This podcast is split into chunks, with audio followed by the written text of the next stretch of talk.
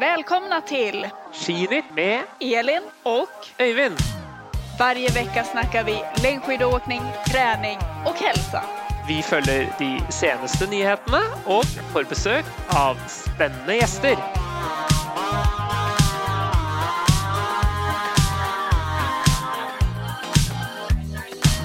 Idag ska vi blicka tillbaka på 80 och 90-talets skidåkning då vi gästas av en av Norges största skidåkare genom tiderna, nämligen Vegard Ulvang. Men först ska vi ju snacka med Öyvind såklart. Hej Öyvind! Norba Norrbaggan er her. Ja, Norrbaggen är tillbaka! Hur är läget? Eh, jo allt bra, alt bra. Jeg begynner å komme meg igjen etter uh, liten forkjølelse. Så, uh, men uh, jeg kom meg igjennom da, på lørdag med intervallene, uh, så det var bra. Så nå, Vi har jo hatt med Anders Glørsen, som også har blitt med også i denne gjengen. og nå forrige, forrige gang nå på lørdag så hadde vi også med Eirik Bransdal. Så det begynner å bli ganske, mm, ganske meritterte navn som er med i den lørdagsintervallen. Så det er viktig. Det begynner å bli sånn at jeg må drive og trene gjennom uka for å være i form til lørdagene etter snart, tror jeg. Ja, det er ikke easy peasy å være best i det der Nei. Nei, det er raskest med barnevogn. Det, Ja. det er vanskelig, vanskelig å være raskest i, i den gjengen der. Jag har ju också gått och blivit förkyld, men tyvärr så kan ju inte jag skylla på Magnus dagisbaciller. jag skyller på sambon istället. Han blev sjuk först. Så att um, det var, har det varit ga- var ganska lugn vecka för mig, för min del. Men så är det ju ibland, tyvärr. Ja. Ja. Ikke noe snø i Østersund ennå? Nej, det, var litt, det har varit lite i luften, men ingenting som har lagt sig. Inte hos er heller. Litt glatt på asfalten, så de som går på Ja. rulleski, har kanskje hatt noen, noen morgener hvor det har vært litt, litt trøbbel. Men, Mm, men vi började, fikk litt kaldere her i går, så jeg håper ändå at det kan gå mot litt kaldere tider nå. Nei, men Skal vi se litt på hva som har skjedd den siste uka, Elin? Ja, men vet du, først skal jeg ta opp en sak. Nå skal jeg rette meg en gang til. Det her bør jo bli pinsamt, men tredje gangen gjelder kanskje. Mm. nå sa jo jeg fel forrige gangen också. Jag lyckas ju trycka in ett R där. Det ska det ju inte vara, utan det ska vara På, Excitec. Så nu hoppas jag att jag har sagt, sagt det rätt så att vi slipper en fjärde gång. ok, Nu, Da går vi over nu til går vi över på veckans nyheter.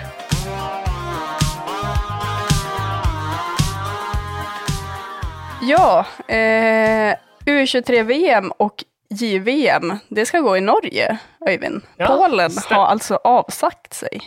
Ja, Eller altså, de har satt, sagt fra seg langrennsdelen, faktisk. Det skal, det skal egentlig gå i, eller skal gå i Sakopane i, i vinter, og det skal det fortsatt. Eh, hopp og kombinert, de skal, det skal foregå i Sakopane. Men langrenn, det var noen bygningsarbeider i skiløypa der, så det kunne de ikke ha. Eh, ja, da- nu börjar de med det nu. Nei, jeg vet, jeg, jeg vet ikke. Eh, de, det er i hvert fall, det Og så kan det jo gå kombinert, så jeg lurer litt på hvordan det fungerer. At de kan gjennomføre kombinert, men ikke langrenn. Men ja, bra poeng. Det var en dårlig ursäkt, kan jeg tycka. Ja, Ja, ja. men da får ju Men i ni det til Norge i stedet.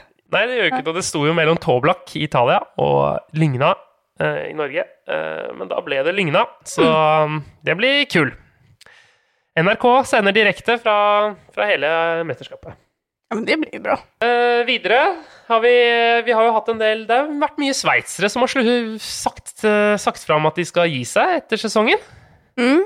Ja, exakt. Eh, mange som skal sluta nå efter eh, OS-säsong.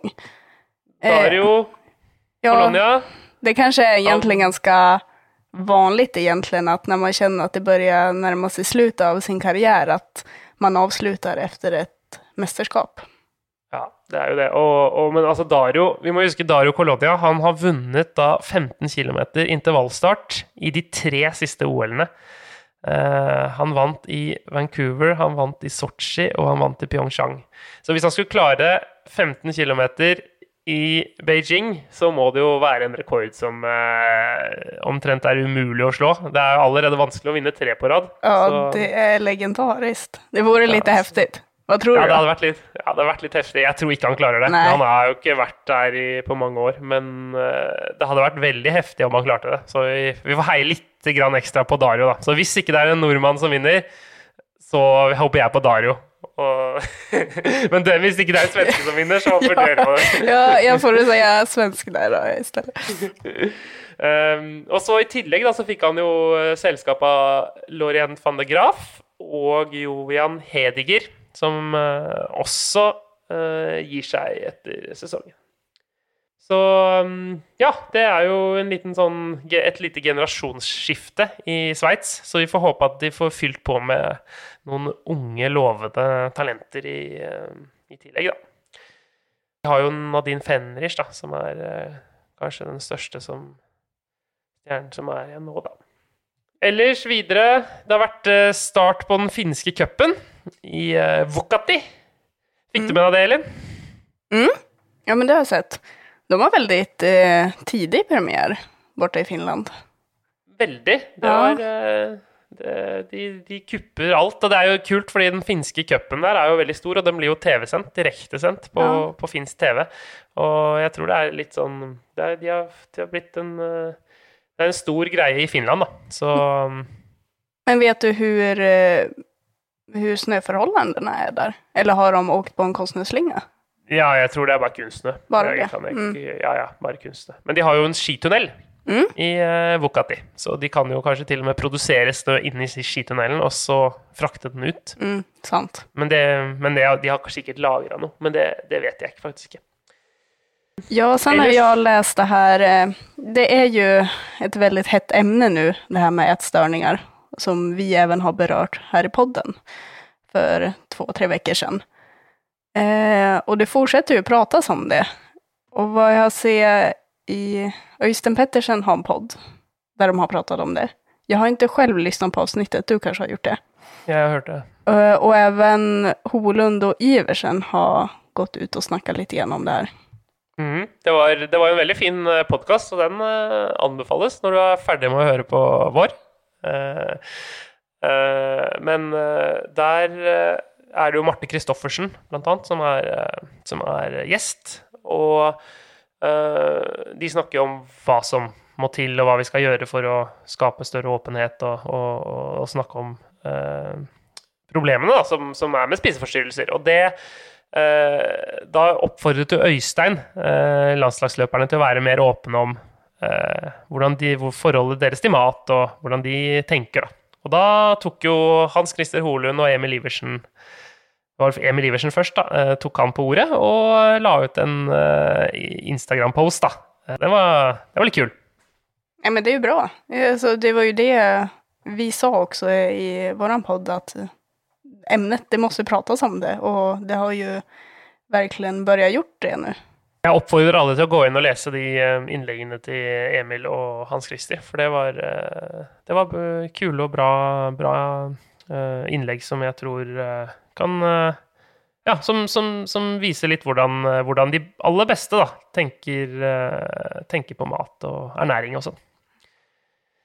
Nei, men hva sier du? Jeg syns kanskje at vi skal ta inn ukens gäst. Ja, og det er jo ikke eh, hvilken som helst gjest. Eh, Vi skal få med oss Vegard Ulvang. Eh, For oss i Norge så er jo han en av de aller, aller største ved siden av fra 90-tallet. eh, Ved siden av Bjørn Dæhlie. eh, Så er, eh, er Vegard blitt en, en Er han en stor, stor skiløper og veldig godt kjent? Kanskje ikke like godt kjent i Sverige? Nej, jag tror inte det. Alltså visst att man vet vem han är, men jag hade ju inte jättestor koll ändå. Eh, och kanske speciellt då bland yngre tror jag kanske inte man har lika stor koll här i Sverige. Nei, absolutt ikke. Og det er, jeg er jo 30, 33, og jeg husker jo ikke sånn når Vegard gikk. Han ga seg jo etter VM i Trondheim i 97, og han var jo på topp i 92 i uh, Albertville, OL der. Sånn at uh, det er uh, Da var jeg fire år. Eh, så så at jeg skjønner godt at de som ikke fulgte eh, veldig godt med fra de var veldig små. Så, eh, altså, og de som er yngre enn meg, de, eh, de har ikke så god kontroll på han. da. Men eh, nå får de kanskje det, da, etter å ha hørt denne podkasten. Han har eh, tre OL-gull, to sølv, én bronse. Eh, mange VM-medaljer, norske mesterskap. Eh, han har gått på ski over Grønland, han har gått i Sydpolen på ski, han har klatra eh, Aconcagua, Mont McKinley, Elbrus, han har gått Nordvestpassasjen på ski, han har ridd over Mongolia. Uh, I tillegg til alle disse um, skimerettene. Så um, her er det bare å uh, følge med, og så dere, blir dere bedre kjent med Vegard Ulvang. Så Ja, jeg kjenner jo redan nå at det kjennes kjempeinteressant. Da kjører vi pod, da.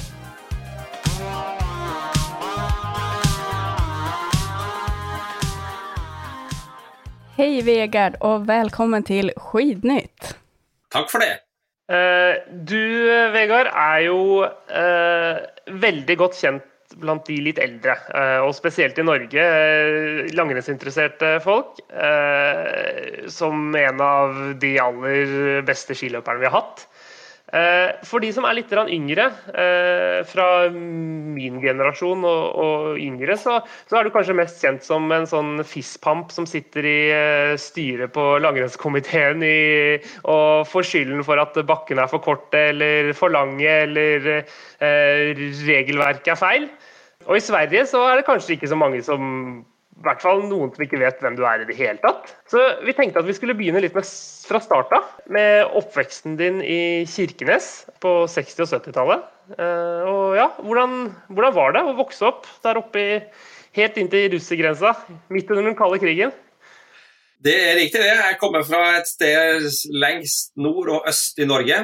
Inneklemt faktisk mellom uh, Russland og Finland. Det er bare under en mil til Russland og eh, ja, tre mil til Finland fra der jeg bor.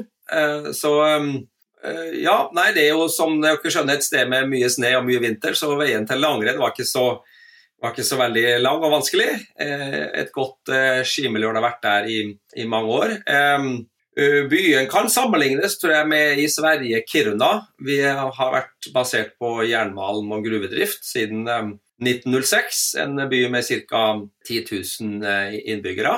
Og, og, der vokste jeg opp, um, og med mye forskjellig idrett. Um, langrenn var jo nok kanskje det aller viktigste, men det er mye med, både med fotball og friidrett, og også med, faktisk med konkurranseturen til jeg var 16 år. Så, og der bodde jeg da til og med det man kaller for gymnas, et vanlig gymnas, um, til jeg var 19 år. Og så dro, man, dro jeg i militæret, eller det man i Sverige kaller for lumpan. Eh, det var den gangen en skijegertropp i Hans Majestets Kongens Garde.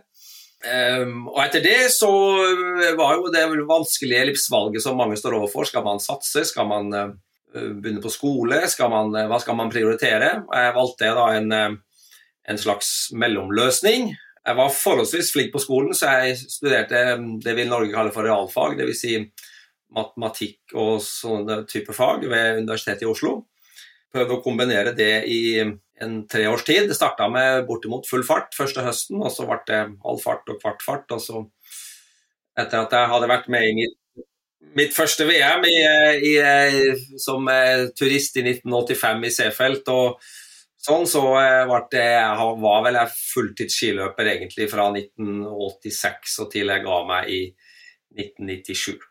Det var, det var kortversjonen. Du må bare komme med et tilleggsspørsmål. Ja, ja, men Er du ferdig med den graden ennå?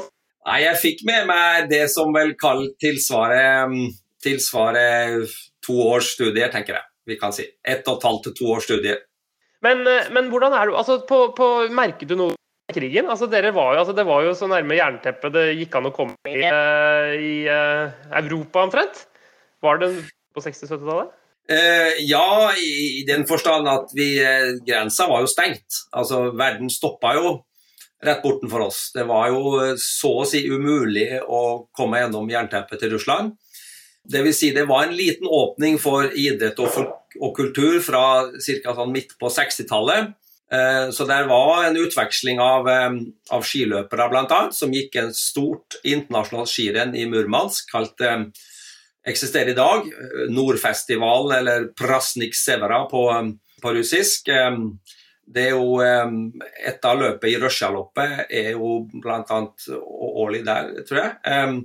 Så dit kunne man reise. Jeg dro dit første gangen som, som junior i, i 1983. siste års junior, så var jeg med og konkurrerte i, i, i Murmansk. Og, og, også på 70-tallet så var det russiske skiløpere som, eh, som, kom til Kirkenes, og vi hadde dem, eh, hadde dem også på besøk og drakk te hjemme hos oss, som jeg husker som en stor opplevelse. Um, det var nok like spennende for, for, begge deler og like ukjent, tror jeg. Um, så så, men utover det så var jo grensa den var stengt, eh, og, og, og, svært liten kommunikasjon i forhold til i dag, hvor det er tusenvis av grensepasseringer egentlig hver måned. Og, og mye kontakt på tvers av grensa. Og mange familier som er, er, gift, og hvor de fleste av butikkbetjeningene i, i sentrum er, snakker russisk. og vi har gateskilt på russisk, så, så, i dag så er Kirkenes betydelig mer prega av å være en by som ligger nært den russiske grensa. Er det miljø for skigåing når du vokste opp i Kirkenes? Altså, var dere mange? Var det, og hvordan var treningsforholdene? og Var dere flinke til å kjøre løyper? og Hvordan, hvordan så det ut? på ja, jeg er jo født i 63. Snøscooteren til preparering av løyper den kom rundt mellom 68 og 1970. Så jeg har jo opplevd at vi stort sett eh, svært ofte tråkka løypa sjøl.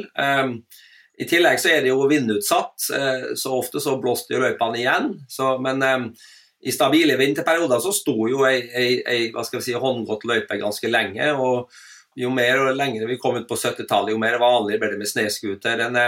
Eh, skikkelig tråkkemaskin kommer vel ikke før jeg dro derfra. Det er kommet i ettertid. Så, men eh, den gangen så var det jo også da kun klassisk langrenn, så det var ikke behov for disse brede maskinene. Så vi, eh, det var i hele tatt en, en, litt annen tid, men det var et veldig godt skimiljø. Vi hadde norgesmester for junior allerede allerede på slutten på 60-tallet. Um, ehm, og vi hadde et lite, vil jeg si, men godt miljø. Det jo sånn at eh, langrennssporten er jo ikke for, for alle. Uh, det er lettere å gå inn i en gymsal og spille fotball, og det, det dreier jo de fleste av mine kamerater med om gjennom vinteren. Mens um, den harde kjerne, de som likte å være mye ute, de gikk på ski. Så i, i mitt årskull i byen så var vi nok ikke mer enn fire stykker, tror jeg. Og sånn, og så var det kanskje like mange i den gruppa over, og sånn, så at vi var en sånn ja, mellom 15 og 20 juniorer som, som, som trente på det pluss en del seniorer, pluss en del litt eldre folk som var innom. Så, så, det var et eh, jeg vil si det var et svært godt miljø, og det var ikke minst eh, det var ikke minst veldig mange som satsa bra, og som gjorde det faktisk fort. Jeg hadde en generasjon to år før meg med et søskenbarn og med en fra nabobygda i Tana i lenger vest, som også var på juniorlandslaget før meg, som var egentlig veldig nytt for den tida. Så jeg hadde noen som var veldig god, som på en måte gikk opp løypa for meg, som jeg tror i ettertid var veldig, veldig viktig. Og så um, fikk vi, når jeg var 13-14 år, så fikk vi en um, gutt som hadde vært på norske rekrutteringslandslag, og som hadde konkurrert bl.a. for for din klubb, Øyvind, og Kjelsås i, mange år, og vært veldig god og bodd sørpå, men hadde studert ved idrettshøyskolen og blitt fysioterapeut. og Så kom han hjem og begynte å jobbe der, og det var også betydde veldig veldig mye for min utvikling at vi fikk litt sånn påfyll sørfra. Det var jo ikke noe kortere avstand dit eh, enn det er i dag, så det er klart at man, eh, man har jo en tendens når man kommer fra små plasser langt unna og tror at, at gresset er veldig grønnere lenger syd, og veldig mye, er alltid mye mer flott og mer avansert og sånn, så det å få førstehånds hva skal si, kunnskap til hva man gjorde lenger sør og i sentrale miljøer, det var, det var viktig. Um, selv om jeg så at vi kanskje Vi gjorde ikke så mye annet. vi, vi, vi var relativt også godt forsprent med, med gode trenerressurser og, og, flinke ledere. Mm, for det var det jeg skulle til, altså det der med liksom forskjellen på det å gå og være skiløper da, og det å være skiløper nå. altså Med den der informasjonstilgangen og det dere holder på litt sånn i utkanten. og, og liksom, ja, Med tanke på teknikk, med tanke på treningsfilosofi, med tanke på eh, ja, hele den biten der. da, det, Men du forklarte jo litt der da, at dere hadde en som kom fra de sentrale strøk, da, og kanskje uh, Ja, at dere fikk litt ja. informasjon derfra. Og så, og så var det altså I dag så tror jeg kommunikasjonsflyten er jo enorm. altså man, Jeg følger jo i dag via Instagram med nesten hver eneste intervalløkt som gjøres her på Østlandet, eh, eller rundt omkring både i hele verden. Det er lett å følge med. Um, og det fins webseminar og det fins utveksling av kunnskap. Men man hadde et system for det på den tida òg. Altså, Skiforbundet hadde en treningsklubb. og og det ble gitt ut skriftlige ting eh, hvert fall en gang i året med oppdatering av hva gjør de beste og sånn. Så hva skal vi si, ramma for det systemet med informasjonsutveksling som vi har i dag, som bare mye lettere tilgjengelig hadde man også den gangen. Så det, det var liksom ikke helt borti svarte natta den gangen heller. Altså. Det var, men det var Jeg tror kanskje informasjonen var mindre, men jeg tror flere leste den kanskje. ja, men om, eh, om man tenker på alt vi vet idag då, eh, hur allting har utvecklats eh, och hur, vilken kunskap vi har liksom, i träningen. Finns det någonting du känner att du skulle vilja ta med dig från idag till när du satsade? Ja, det er det nok definitivt. Um, altså, idretten har utvikla seg veldig. Um, altså, vi fikk tråkkemaskiner, vi har fått lettere utstyr, raskere utstyr. Vi har fått kunstsnø, altså hardere løyper. Så det, det, er jo en det er jo en annen, til et annet krav til um, hva skal vi si, muskelstyrke i dag enn, en den gangen. så styrketreningsbiten er kanskje den som har utvikla seg mest, eh, og særlig det man i dag fokuserer på som sånn kjernemuskulatur og sånn. Jeg måtte jo slutte min karriere etter to operasjoner i ryggen. Det skyldtes nok helt sikkert manglende fokus på det man kaller for kjernestyrke i, i buk og rygg og sånn. Vi kjørte mye styrketrening, og denne stake revolusjonen som etter hvert kom, den starta i, i min tid, hvor vi etter hvert trente på samling i Snalsdal i Vasenales så begynte vi å gå uten fraspark fra bunnen og opp der 1000 høydemeter. Det starta i min periode, men vi hadde ikke hva skal vi si, grunnmuskulatur til å tåle det. Så mange i min generasjon gikk på ryggskader. Både Bjørn Dæhlie, Thomas Alsgaard, ja, Togde Mogren tror jeg også gikk på en ryggskade til slutt. Og flere sveitsere vet jeg også gjorde det. Så det var utbredt med ryggskader, enda vi staka hva skal vi si, betydelig mindre enn man gjør i dag. Sånn. Så styrketreningsbiten er vel der det har skjedd den største utvikling, tror jeg. Tror du, altså Teknikkmessig også er det ganske for Hvis man ser et bilde fra når du eller Bjørn eller Torgny Mogren går VM i Fale 93 f.eks., hvordan teknikk altså Det er vanvittig stor forskjell å se staking da og nå. Eh, og at den, sånn som dere bøyer, så mye dere bøyer i rygg og hofte og hode går veldig mye opp og ned i forhold til i dag, at det har også, altså teknikken også uh, gjør at det var verre da enn det er nå? Ja, for all del. Uh, altså, det er jo det er bare å se på, på, YouTube, så vil du se at verden har gått betydelig videre. Og man går på en annen måte, og man går, man går betydelig fortere i dag enn vi gikk. Så, så eh, vår teknikk var jo kommet fra en tid hvor for det første stavene var mye tyngre. Så du fikk en annen pendel. Og svært ofte så gikk vi jo med, med løse løyper, og vi gikk jo mye, mye mer diagonal enn man i, enn man i dag staker. Så, så det var en, eh, kort og godt en veldig mye forskjellig og en litt annen idrett enn det vi ser i dag. Hvis du skulle valgt med deg ett eh, Altså tatt med deg noe fra dagens skigåing og tatt med deg tilbake til tida, altså hva er det som har på en måte er størst forskjell? Er det stavene, er det skoene, er det skiene, er det noe annet? Hvilken utrustning, liksom? Hvor har det skjedd størst forandring? Jeg tror det, det, er jo mange ting, men eh, den største revolusjonen altså Vi starta jo med skøyting under mitt første VM i 1985. Og det er klart, Da måtte vi jo skøyte med det som den gangen var klassisk utstyr, som var veldig løse sko. De hadde ingen torsjonsstivhet. Korte staver, lange ski. og det, det, er klart det ser komisk ut. Og når vi da var en øvelse som ingen var, var trent for, så ble jo det her gradvis stivere og bedre. så Altså Binding og sko har det skjedd masse på, særlig på skøytefronten. I, I, klassisk så, så, vil jeg nok si at eh, det ikke har skjedd så veldig mye på utstyret. Skiene er, er faktisk ikke veldig forskjellige. Stavene er selvfølgelig blitt mye stivere og mye lettere. Trinsene er mindre, så pendelen blir en annen. og du, Det er jo det som gjør mulig at du kan stake mye mer i dag, i tillegg til at du har fått fastere og hardere løyper og sånn. Så, så, men, men selve skiene er ikke så veldig ulik. Eh, hvis du tar den skia som Thomas Wassberg gikk med da han, eh, da han eh, gikk OL i Lake Placid i 1980, så tror jeg at han kunne gjort det faktisk ganske bra på et, på et klassisk løp i dag også. Får, dere får ringe og høre med han. Men jeg, jeg tipper det den, Da kom altså, denne honeycomb-kjernen og, og, og, den måten å bygge på skia med har vært egentlig ganske lik fra den gang. Ja, når vi ändå er inne på det. Altså, jag tycker ofta när man sitter och kollar på så här gamla tv-bilder så, eh, man kan inte sluta undra då liksom hur stor skillnad är det på dagens skidåkare och dåtidens? Vad tror du? Vi vet ju att utrustningen, där har ju hänt jättemycket, men om vi bortser från det, hur tror du att 80-90-talets skidåkare hade stått sig i dagens felt? De hadde ikke hatt sjans, det er helt klart. Eh, verden går videre også i langrenn, det må vi regne med. Men som jeg pleier å si, en av de store fordelene vi har, er at vi slipper å bli sammenligna med både vår fortid eller, vår, eller fremtiden. Så, så vi, vi, altså vi, slipper den sammenligningen. I friidrett så er den veldig synlig, for der kan du løpe under konstante forhold. Men eh, det er ingen tvil om at mange av datidens løpere var godt trent. Det har man vært eh, veldig lenge i langrenn, siden kanskje 60- og 70-tallet. Um, svært godt trent og hadde et veldig høyt otopptak, og ville nok matcha mange av dagens løpere. Men um, som sagt, det er jo to motstridende faktorer i dag. så kreves det mer overkroppsstyrke, det kreves mer beinstyrke. Løypene er fastere. Eh, det har også nå vært en diskusjon i Norge hvorvidt de er blitt hardere. og Der er det ingen tvil om at de er selvfølgelig blitt mye lettere enn de var den gangen. fordi vi gikk lengre runder, og da blir det også lengre motbakker. Og, sånn. så, så, så, eh, og, eh, og, som sagt, det var ikke den type preparering, det var ikke kunstsnø. Veldig ofte så ble løypene mye løsere, og, og som sagt, vi gikk jo betydelig mye mer diagonal enn man, enn man, enn man gjør i dag. Så det var helt andre arbeidskrav. Ganske betydelig forskjell, vil jeg si. Men, men apropos de ja, Unnskyld, Elin. Jeg bare, apropos de løse løypene.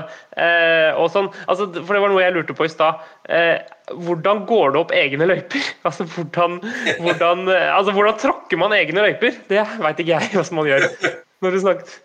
Godt, godt spørsmål. Um, Eh, det spørs selvfølgelig an på hvor mye snø som er kommet, da, men er det mye løssnø, så er jo den vanlige måten å gjøre det på at du, du går et spor, og så kommer mannen bak, og så går han eh, f.eks. den venstre skia i den høyre, og, og sjekke at du får godt opp stavtak også. At du lager, lager fire spor, egentlig. Um, um, eller, eller, kanskje tre.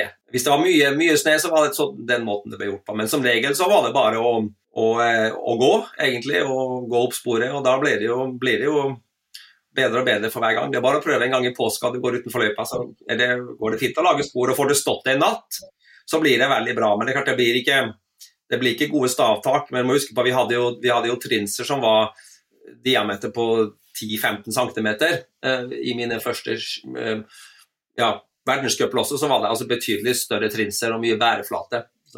Men var det sånn at du gikk eh, eh, at, du måtte, at, det var en som gikk foran? altså Det var på en måte en som han er god til å gå løyper, liksom. Altså, du, jeg regner med at du kan ikke ha en eller annen som bare virrer rundt. og liksom, altså Var det noen som var ikke kjent for å være ekstra god på å tråkke løyper? Det var jo sånn, eh, iallfall i min oppvekst, så var det jo ofte at det var en del eldre folk som var, som var, som var tidligst ute på, i helgene særlig. da. Uh, og uh, ja, det var en, en, matematikklærer på skolen som var kjent for å gå veldig beine spor, ja. Ingen tvil om det. Han var veldig nøyaktig og gikk veldig rett. og uh, Det verste som er, er jo når um, når det er hva skal vi si, eh, kvinner med små barn som går, så går de veldig smalt. vil ha, vi vil ha et annet viss bredde på sporet. Um, så, så, det var definitivt forskjell på sporgåing, ja. Vi kan jo konstatere at vi er ganske bortskjemte i dag, i alle fall. Ja, man er jo det. det. Det er ingen tvil om at det kjøres mye løyper i, både i Norge og Sverige i dag. Og vi har fått alle disse turistdestinasjonene som er, som er ekstremt flinke, og som er ute i, i, god tid før du står opp og sånn. Så det, og, og, det er jo bra, det er jo flott. Det har jo ført til at vi Langrenn er jo en, en, en folkesport, ingen tvil om det en folkeaktivitet. Um, som, og det har jeg reflektert i over, for at hvis du går tilbake til 60- og 70-tallet, både i Sverige og Norge, så var, så var både de andre vinteridrettene, både skøyter og hoppsport, var jo noe som alle drev med. Eh, og det er det ikke lenger. Det kanskje har litt å gjøre med krav til anlegg å gjøre, mens, mens langrenn er fremdeles en, en folkesport, dvs. Si noe som svært mange gjør iallfall i Norge. og I helgene så går man tur på ski. Og også tror jeg man gjør det i, i Sverige, i de, der hvor det er snø i hvert fall. Så, så, så, um, og det er, litt, det er, litt, interessant og spesielt å si at det har det var hoppbakka bare her i Maridalen der jeg bor, rett innafor hvor Øyvind bor, så var det på, på, um, på 60-tallet så var det 40 hoppbakker. Og i dag, i dag, er det kanskje ikke mer enn 40 hoppbakker i hele Norge. Så, så, eh, man hoppa på ski, og man lekte på ski og var ute på en helt annen måte enn i dag. Og da måtte man jo også både trakke bakkene sjøl og mokke dem sjøl og sånn. Og, og, så jobba man også lørdager. Sånn, eh, og det er jo interessant å se hvordan, et bilde på hvordan tidene har endra seg. Det var litt om bakgrunnen din, Vegard. Eh, la oss sette i gang med den aktive karrieren. da. For du kom jo til at du på Du var med som turist i VM i Seefeld i 85. Eh, og så eh, kom, Var du på landslaget da, eller? Uh, ja, da kom jeg på det såkalte norske elitelandet. Jeg har vært to år, eller jeg har vært først på juniorlandslaget i to år, og så var jeg på rekruttlag, eller vi kalte det ofte for gruppe to den gangen. Altså de nest beste var på et lag, og så rykka jeg opp blant de beste da etter um, Seefeld-sesongen i 1985. Ja. Det er riktig. Og så kommer vi da til eh, Da er det vel Oberstdorf i 87, er det? det? Er du med der? Det er riktig, det er en mellomsesong, ja. Og i um, Oberstdorf i 87 så, så var det Altså, jeg må jo ta 80-tallet var jo svenskenes tidsalder. Det var svenskene som dominerte kanskje faktisk enda mer enn nordmennene dominerer i dag. Det var ikke uvanlig med fem og seks og syvdobbelt faktisk i enkelte løp med, med svensker på lista. Det var jo da Gunde Svan fra 84 utover, det var Torgny Mogren, det var Vassberg som de tre største. Så hadde vi da ja, Thomas Eriksson, Benny Kolberg, Ingemar Sømskar. Kristin Maiebæk. Det var mange, og alle disse her var jevnlig innom pallen. Og vi nordmennene vi var innom en hva skal vi si, en generasjonsveksling etter at vi hadde hatt uh, Oddvar Brå og Ove Aunli og disse her gode som hadde, hadde dominert ja, skal vi, si, til og med den var en stafetten i 85. Så, så uh, i um, 87 i Oberstdorf så opplevde jeg å sitte på hver eneste pressekonferanse og være svært fornøyd med egen innsats, men bli utskjelt på det groveste av norske journalister for, for dårlige løp og for eh, at nå måtte vi begynne på helt på nytt i Norge og satse på ungdommen og hive ut disse her gamle gutta. Um, så um, det var tøft, husker jeg. Um, for jeg ble altså i Oberstdorf så jeg ble faktisk, Svenskene var flinke med statistikk. De, de la sammen resultatlista. Jeg var faktisk Når du la sammen, så var jeg vel Jeg ble nummer fem, seks og syv på tremila. Og 6 på 15 og 7 på 5 mila. Så jeg var jo veldig fornøyd. Jeg var topp 10 i alle, alle øvelser og syntes jo at jeg hadde gjort et kjempeløft fra året før. Men eh, jeg var jo da beste nordmenn på to distanser, og det var overhodet ikke godt nok for, eh, for, for, Norge. Den gangen heller. Hva gjorde du i treninga da? Hva var det som altså, tror du treninga da kontra altså, Var det 800 timer, to-tre intervalløkter i uka, mye løping, litt rulleski og ja. ja det er jo inne på det. Vi, eh, vi løp jo med. Vi hadde ca. halvparten av hvert rulleski og løping. Eh, ja, som du sier, to, to harde økter i uka. Eh, sånn i gjennomsnitt. Litt mer opp mot sesongen. 800 til 850 timer trening i året. Grove trekk, det er ikke så ulikt det tror jeg mange også gjør i dag. Så vi begynte Ja, det var grove trekk til og med 87. Jeg var jo en som utvikla meg forholdsvis langsomt, og hadde jo ikke mine beste løp før vi kom til hva skal vi si, ut på 90-tallet. Eh, og da nærma jeg meg plutselig 30 år. Så jeg var tålmodig og, og, og tok, eh, syns jeg gjorde små steg og ble litt bedre for, for hvert eneste år. Men du fikk jo et stempel etter disse her både da, så var det jo da OL i, i Calgary i 88, og så var det vel VM i Lahti, var det det? I 89? Tar jeg, tar jeg rett da? Eh, det er riktig. Og så, ja, og, og, og, og og Fiemme i 91. Og da hadde du jo mye andre tredje, fjerde, femte, sjette, sjuendeplasser, som du sier. Og du fikk et stempel som den evige toer. Ja, det er også helt riktig. Jeg tok, jeg tok min første medalje på tremila i, i Calgary i 88. og var jo også igjen veldig, veldig fornøyd med det. Slått av eh, to russere. og i dag, fremdeles i dag så står det for meg som et av mine beste løp noensinne, kanskje. Og så tok jeg to medaljer, sølv og bronse, i Lahti år etterpå. Også, men eh, stempelet som evig toer fikk jeg vel først når jeg var en, når jeg vant verdenscupen sammenlagt i 1990 med fem andreplasser. Men det var jo det at det var en svenske som het Gunde Svan, som, som, som vant det aller meste på den tida.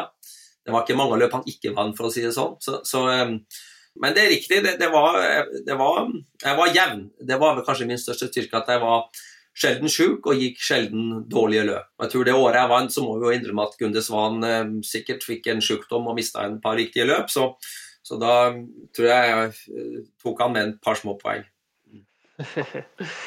Men og så kommer OL, da, i Albertville. Ja, det er et VM i Val di Fiemme i mellomtiden. Um, og så kommer OL, og um, det ble mitt OL. Jeg følte jo da jeg stilte på start at jeg, at jeg, var favoritt. Jeg gjør det.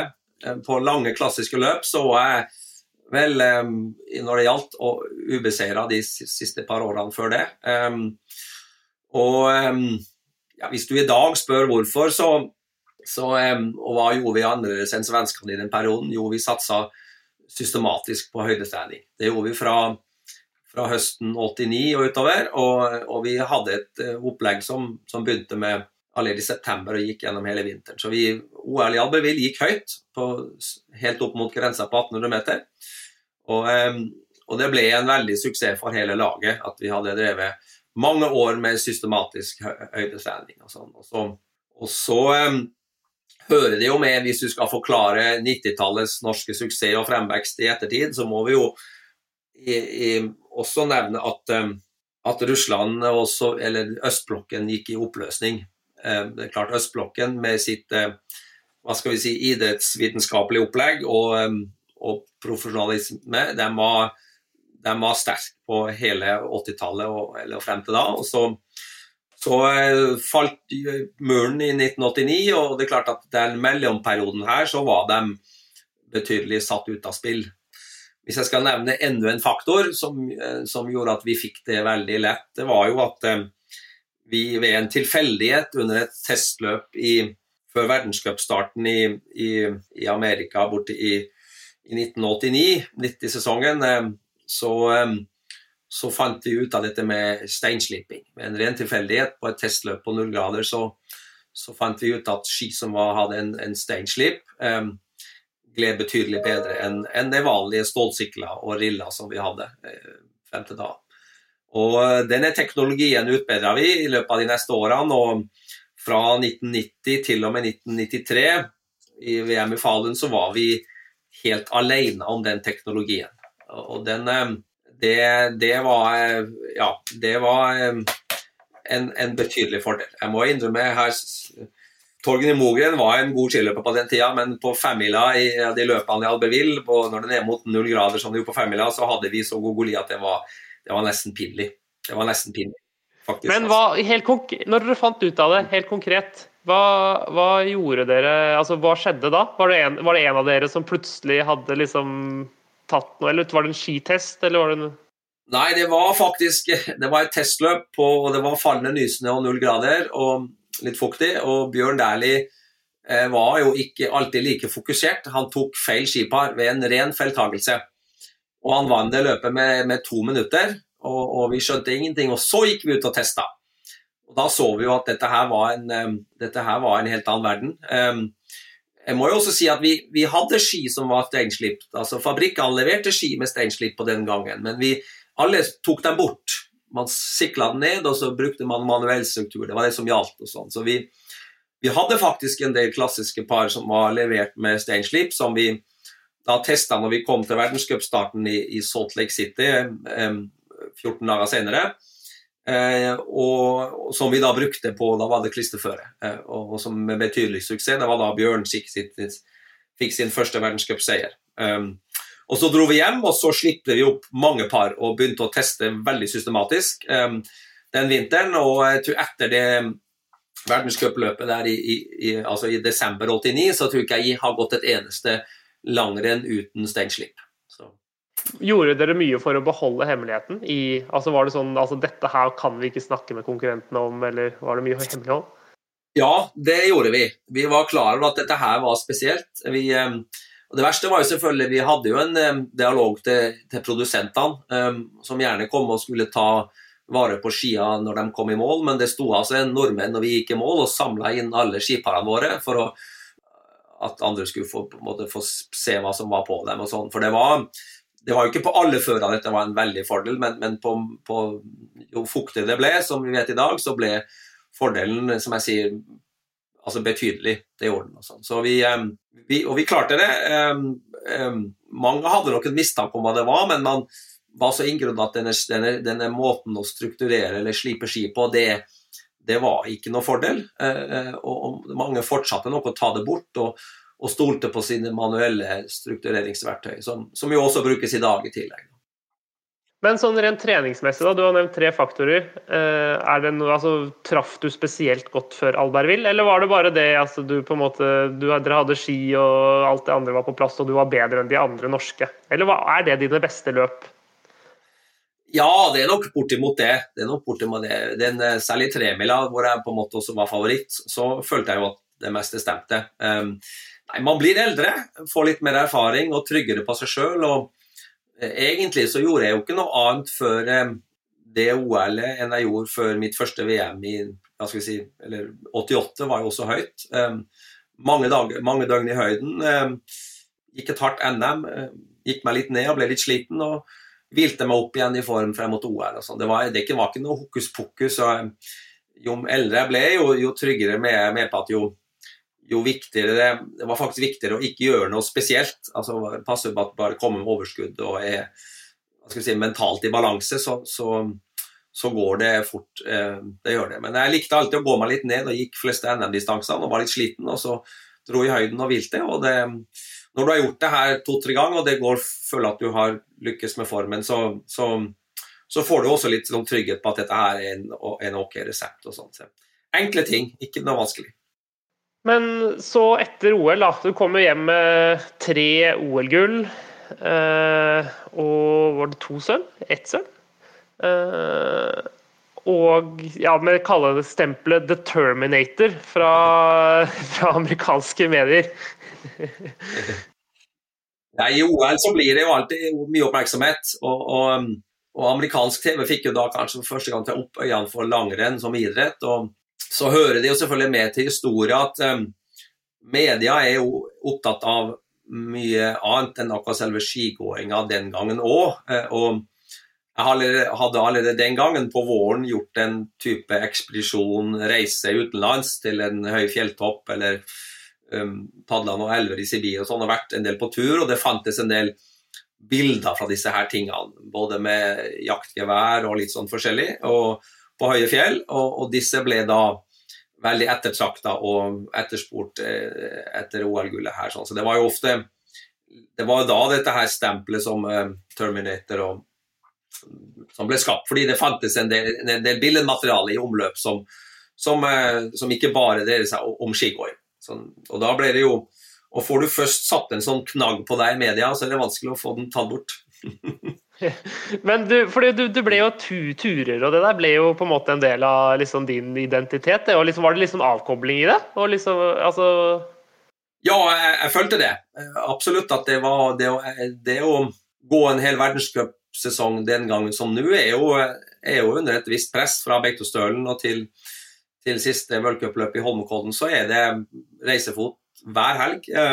Du må svare for deg i media. Den gangen det er jo selvfølgelig litt annen type media da enn nå. Vi hadde ikke sosiale medier, men eh, pressen var ikke noe mindre aggressiv og, og, og forlangte resultater. Og, og, du stilte krav til deg sjøl og omgivelsene og sånn. Så det er klart at det er et visst press, og egentlig mye folk rundt deg. Så det der å reise bort og, koble helt av og Mobiltelefonen må jo si det, den kom jo også på 90-tallet. så vi, jo, vi hadde jo mobiltelefonen og var tilgjengelig. Eh, iallfall i slutten av min karriere. Men det der å være utilgjengelig og ikke, ikke det, I tillegg til at jeg var veldig fascinert av både høye fjell og naturopplevelser og, og sånne ting. Så, så det, ble, det ble, gjort Jeg gjorde en tur hver vår. I mai var jeg på reisefot stort sett hele tida, og så kom jeg tilbake og, og begynte å trene sånn ca. 1.6. Men, eh, men jeg hadde jo stor aktivitet. Jeg var jo på, ja, I 1990 var jeg på Mount McKinley. Jeg var ute på bodde i telt i en måned og var over ja, 6200 meter over havet. Altså ekstrem høydetrening, som jeg igjen tror kanskje var noe av forutsetningen for at jeg takla høyden i Albertville bra. Jeg var ingen god høydeløper før jeg hadde vært på disse høye fjellene. Um, så inviterte jeg Smirnov med på en padletur i Sibir. Vi var tre uker sammen i juli måned. Det var en fantastisk opplevelse og har gjort oss til venner for livet. Og eh, Vi var i Mongolia og red til hest og, og klatra noen fjell der og gikk en lang skitur. og og så gjorde jeg som mange nordmenn, jeg gikk på ski over Grønland. Um, en ekstrem tur. Også det sommeren før Albertville, um, hvor jeg tapte 14 kilo på 14 dager. Og, og, ja. Så ganske ekstrem fysisk belastning i, i mai. Um, og hvor jeg trengte nok, trengte nok en tre-fire uker før jeg var restituert etter den turen. Men jeg tror igjen at alt det her eh, var med på å danne et godt grunnlag og en del av forklaringa på suksessen i Albertville, og at jeg fremdeles hva skal vi si, følte at jeg gikk fortere på ski eh, så lenge jeg trente, også godt opp i 30-åra. Ja, for du, du, føler at det var pga. de turene, og ikke på tross av de turene, at du var god på vinteren? Altså Det var faktisk en ledd i treninga? Eller hadde det vært bedre å være hjemme og gå rolige skiturer på Sjusjøen? Nei, altså det, det mange, mange rista jo på hodet, eh, definitivt, over det her. Men, eh, men, jeg var jo ikke til å styre, så jeg valgte jo sjøl. Og så lenge det gikk bra det ene året, så hvorfor skal det ikke gå bra neste år? Så, så, um, men Nøkkelen er at du må gi deg tid til å restituere etterpå. Eh, det er klart, denne Grønlandsturen var, den var veldig ekstrem. og der um, husker jeg han eh, tok noen blodprøver da jeg kom hjem, og da hadde legen rista på hodet. For da hadde det er jo slik at Når du har forbrent det fettet som er på kroppen, så begynner du å forbrenne proteiner. og Når du ikke har mer igjen, så begynner du å forbrenne levra. Så jeg hadde en betydelig leverskade da jeg kom hjem etter Grønlandsturen som han ikke likte. Men som han sa, levra den ordner seg fort. Den tar seg fort tilbake. Så det går bra. Men Hvorfor ble det så, ble det så lite mat? Ja, vi hadde Det var en, en, fransk kompis av meg som gikk sammen, og han var eh, vant til klatreturer. Og der er det jo um, ikke så hva skal vi si, fysisk krevende, bortsett fra akkurat når du skal veldig høyt. Um, så du trenger ikke så mye mat, og du er heller ikke sulten. Men um, når du skal gå uh, 10-12-14 timer i døgnet og sånn, og, så trenger du mye mat, og du trenger ikke minst mye fett. Så vi gjorde for så vidt samme erfaring som Nansen gjorde 100 år, over 100 år før oss. at Han, han beskrev noe som han kalte for fetthunger. Altså, du, du trenger ekstremt mye fett. Så um, når jeg har reist på, på sånne turer siden på, så har vi hatt med spist eh, Vi gikk til Sørpolen i 2011, da hadde vi med 50 gram smør per mann per dag. Så altså betydelig større fettprosent enn, enn det vi hadde. Vi gikk på musli og, og, og tørrmelk og frysetørra middagsrat, og det ble for altfor lite fett og altfor få kalorier i hele tatt. Så det gikk én kilo om dagen i snitt, og jeg så ikke pen ut når jeg kom over den isen.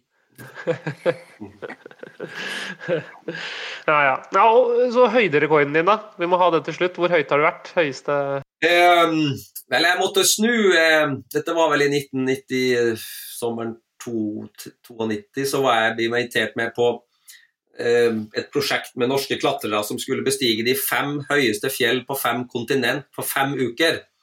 Så vi starta i, i, i Russland og var på Elbrus, som er da um, 6000 eh, meter, 5009, og så dro vi til Kilimanjaro, som også er like, like over seks. Og så dro vi fra Kilimanjaro til, eh, til det var mye logistikk og lange flyturer også her, til Ny-Guinea. Inn i jungelen på Ny-Guinea så stikker det opp en ganske bratt bag, den er ikke høyere enn 5000.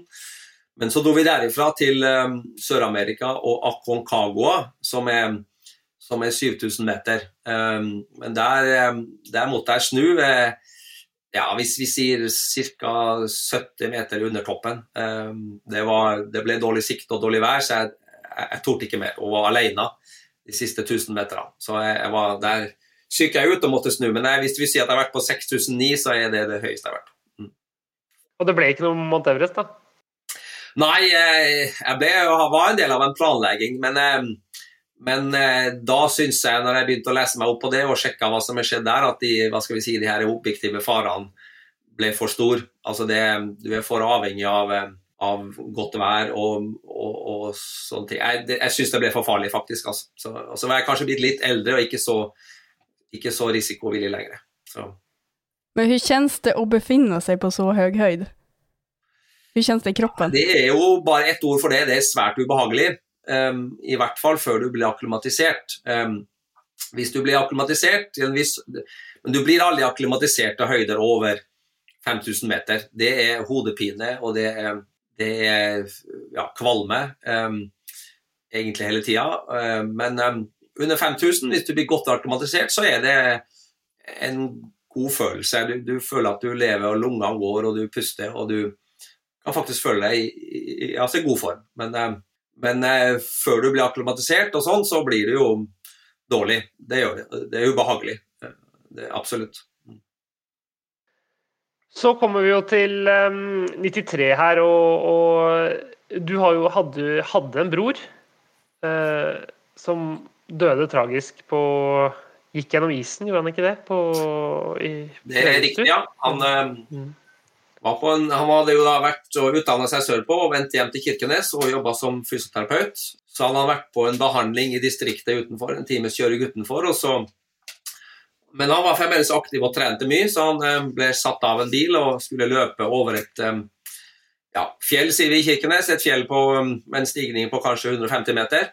Eh, Det var 13. oktober i eh, 1993, og det var akkurat den, den eh, kvelden at den første vinterstormen kom. Eh, ordentlig snøstorm.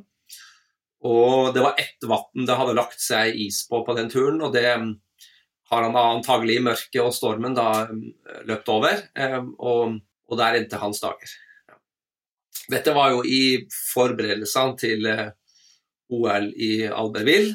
Eh, Nei, OL på Lillehammer, selvfølgelig. Så det var Jeg var på, på høydesamling i Valsenales da jeg fikk den beskjeden. Og øh, ja, det ble jo ganske mye styr, for å si det pent. eh, Både fra media og andre ting, og en stor leteaksjon eh, som pågikk i en måneds tid.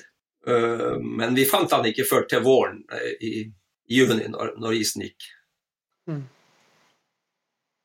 Ja, det, det har vært helt eh, Ja, det er ikke, det er ikke morsomt. Altså, og dere hadde tett bånd, eller? Altså, Uh, ja da, vi var svært tett på. Han var, um, han var jo også fysioterapeut på landslaget, så han i, i VM i Faderen i 93 så var han en del av laget som, um, som var fysioterapeut og var med og testa ski. og hadde jo en, allsi, en allsidig bakgrunn, så han var en, en viktig del for det, også for det norske laget. De, fra, ja, fra 93, og særlig den sesongen 2-93 var han med, mye med. det som er litt morsomt, er jo det at nå sønnen til Ketil, som bare var noen få år når, når han døde, han er jo nå blitt en veldig god skiløper. Så det er jo Ja, det er veldig spesielt og veldig, veldig gledelig. Um, Historia er jo enda mer spesiell som så, for han ble jo da uh, født um, Eller vi, vi fant han uh, vi fant han i isen den uh, 19. juni, og Jørgen ble født den 21. Og, og hvis du regner, regner tilbake til 13. oktober, så er det, det er jo altså, ja, det er ni måneder omtrent. Så det, han var, det var kort margin der. Mm. Ja. Men det er Jørgens, ja, Jørgens Heternes Ulvang, da, som er på Team eh, Elon Midt-Norge eh, nå om dagen. Eller han har vel han har, han har jo lagt opp etter i fjor, da, men han, er- han er der som trener nå. Ja, det er, eh, litt av en historie. Eh, Men hvordan Altså, det preget deg jo selvfølgelig før OL på hjemmebane. Og, og så fikk du jo i tillegg dette her med Og du skulle lese i, i Altså ha denne eden, olympiske eden som du la ned på, på Lillehammer. Det, var, det, det gikk hardt for seg i 94. Ja, eh, det var definitivt et, et krevende år, det var det. Um, um, ja, det, det er jo, dette er lang historie, jeg vet ikke om du har plass til den. Men, um, men, eh, men um, um, Nei, det var jo mye styr om IOC den gangen. Det var det. Og eh, hvordan man var organisert. Og um, for å ta kortversjonen, så, så hadde jeg vært en treningstur um, um, på, um, ut fra toppidrettssenteret på Sognsvann. Um, jeg tror det var 3. januar. Var kommet i full trening og hadde gjort en del bra løp, så jeg følte at jeg var veldig på god vei mot OL, eh, selv om jeg hadde et betydelig avbrudd på høsten. Og så hadde jeg sagt ja til et intervju med TV 2, som da dreide seg om form og følelser og ja, alt som rent idrettslig intervju. Og så fikk jeg da det siste spørsmålet. Hva, hva, hva tykker du om, eller hva syns du om at, um, at um, eh, lederen av IOC har en fortid som minister i general Francos regjering i Spania, som da var et um, må man jo fortelle dem som kan historie, at han var da fascist, og det var et fascistisk regime i Spania på, på den tida. Og der var, der var lederen av IOC um, um, var jo da minister i den, den regjeringa. Og, og det, det spørsmålet kom veldig brått på, så jeg, det var et opptak, så jeg tok betenkningstid og lurte på hva i all verden han ville med det spørsmålet. Og jo, han ville gjerne snakke litt om IOC og sånn. Og så, og så eh, tok jeg ti minutter betenkningstid, og så syntes jeg at jeg svarte veldig forsiktig og hadde tenkt meg godt om, og så svarte jeg at eh, eh, prøvde meg på den varianten å si at jeg har lært på skolen at det er jo ingen fortid å være stolt av. Men så sa jeg at vi må jo også selvfølgelig dømme mannen ut fra det han eh, gjør i dag, sa jeg. Um, og så sa jeg jo at det er også ingen tvil om at IOC har et stykke å gå når det gjelder demokrati og, og, styringsform. Og synes at det var et veldig balansert svar. Og så dro jeg da på, på høydeopphold og var borte i, i tre uker og, og, kom tilbake to dager før åpningsseremonien skulle vare. Og da hadde jeg også fått spørsmål om å lese Eden på Lillehammer. Og um, jeg hadde en leilighet på Kjelsås den gangen, og, og, og, en del av forberedelsene mot OL var jo også på en måte, hva skal vi si, lukke seg litt inne. Dvs. Si, eh, mobiltelefon på stille. Jeg leste ikke aviser, jeg så heller ikke TV. Eh, for å på en måte fokusere på det OL som skulle komme. Så jeg visste liksom ikke hva, hva nyhetsflommen var den gangen. Um, og det her var før smartphones tid. men, uh, men um, hvorpå jeg fikk en, en, en telefon fra Bjørge Stensbøl, som da var leder av Olympiatoppen den gangen, og, og sa at det var, at det var, det var blitt en sak um, um, hvor um, av IOC-medlemmer trua med å reise hjem, og at uh, jeg ikke burde avlegge eden. Og, og, og at det var mye styr. og, og og det var vel snakk om at jeg ikke skulle få være med, faktisk. Altså. Det var så ille at jeg ikke skulle få, få delta. Og da hadde ikke, Jeg visste ikke hva det gjaldt, da, men da fikk jeg etter hvert greie på at det var dette intervjuet med TV 2 som da var, var spissa som veldig sterk kritikk av IOC, og som hadde fornærma mange.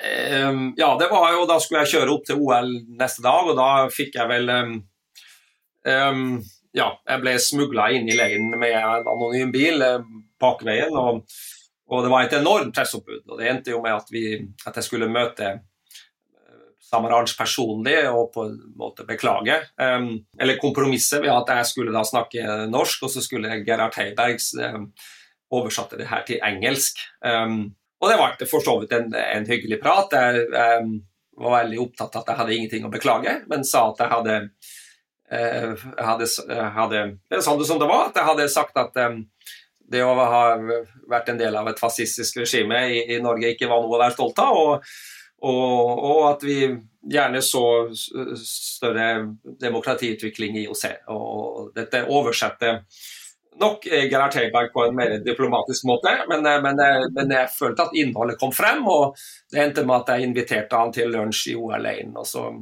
og, så fikk jeg både avlegge eden, og jeg fikk eh, starte. Men, eh, men det var, Dette er omtalt skriftlig mange plasser, men det var veldig, det var dramatisk. Det var det hele. Det var det. Og, det var det absolutt. Men, men, hele OL, da? Hvordan altså hjemmebane og folkefesten og altså, Fikk dere med dere så mye av det, eller? Uh, ja, vi gjorde jo det. Men uh, altså, en OL-leir er jo et veldig behagelig sted å bo. Du er, du er altså skjerma, veldig skjerma fra omgivelsene, uh, med mindre du går ut sjøl og oppsøker det. Men, men, det er klart, stemninga på stadion var jo nesten ikke mulig å forestille seg. Um, Rent sportslig så kom jeg jo dit med, med veldig uh, dårlig feeling. Egentlig mitt første mesterskap hvor jeg kom hvor jeg følte at dette her kommer ikke til å gå bra. Det, det visste jeg, for jeg hadde, jeg, jeg hadde, fått en ryggskade, viste det seg, i, i løpet av januar, uh, som satt så jeg hadde dårlig kraft i det høyre beinet uh, og kunne omtrent ikke skøyte. Men kom jeg brukbart av gårde i klassisk. Men, men jeg var forberedt på at dette her ikke kom til å gå så bra, for jeg hadde jeg var skada. Og det var jo det som gjorde at jeg etter hvert måtte legge opp tre år senere. Og ble operert påfølgende vår sånn, uten at det, det hjalp veldig. Så det var, og så kom jo alt det her andre styret i tillegg, så det var et, det var et krevende OL, for å si det sånn. Men, men hadde jeg ikke hatt den ryggskaden, så tror jeg jeg skulle bitt bedre fra meg. Jeg var flink til å legge sånne ting bak meg, tror jeg. Sånne, sånne mentale ting. Hvordan, altså, hvordan, har du taklet publisiteten og sånn? Altså, altså, det har jo vært det hele. Altså, har det vært greit. Altså bli kjent igjen på butikken og bli uh, Ja, altså uansett hvor du går hen, så er det noen som skal Du blir vant til det. Du blir vant til det. Det var det. Men det er klart, i en periode så var det så var det ikke noe mindre oppmerksomhet for å si det sånn, enn det som det er på dagens stjerner. Um, men dog i en litt annen form, i og med at vi, det var før sosiale mediers tid. Men, um, men, det var stor oppmerksomhet, og vi ble fotfulgt. Um, av media. Det var, det var, jo særlig Bjørn Dæhlie og jeg det her da, i den perioden som overalt hvor gikk, så var det en journalist som var like bak. Eh, det var det. Og det var nærmest I, i periodevis var det beleiring utenfor leiligheten min og sånn, så det var definitivt ubehagelig sider ved det. Det var det. Men, eh, men du blir vant til det, og du, tar, du, du planlegger livet deretter. og det, det, Jeg vil ikke si at det var noe um, at det var Ja. Det gikk helt greit. Absolutt. Og du, du, du lærer deg å takle det. Det, det. det, verste kanskje er nok at du oppfører deg overfor ganske mye folk litt mer arrogant enn du kanskje burde være, for å holde litt avstand. Det gjør det. Så, men ble sikkert oppfatta for å være veldig arrogant av enkelte, men det er klart det er også for å skjerme seg sjøl. Men alle turene du har vært på, eh, sånn når du er ferdig, når du teller opp og, altså Gutta på tur ble jo også liksom eh, en greie som dere Når, når startet dere med det? Men Det var jo mens du var skiløper, var det det? Ja, det var helt på slutten av karrieren. Så, så, så var historia at vi Eh, altså TV 2 ble jo vi hadde jo Norge hadde bare, i motsetning til Sverige, så hadde vi bare én TV-kanal frem til 92. Så ble TV 2 eh, etablert. Og, den ville inn på sportsmarkedet og gjorde en avtale med, med Bjørn Dæhlie og meg, så vi hadde en sponsoravtale med dem. og det vil si at Vi fikk forholdsvis godt betalt og syntes jo ikke vi gjorde noe som helst. Dette syntes vi var litt ille, så vi foreslo kanskje vi skulle lage et program. At vi skulle lage litt TV, eller lære å lage TV.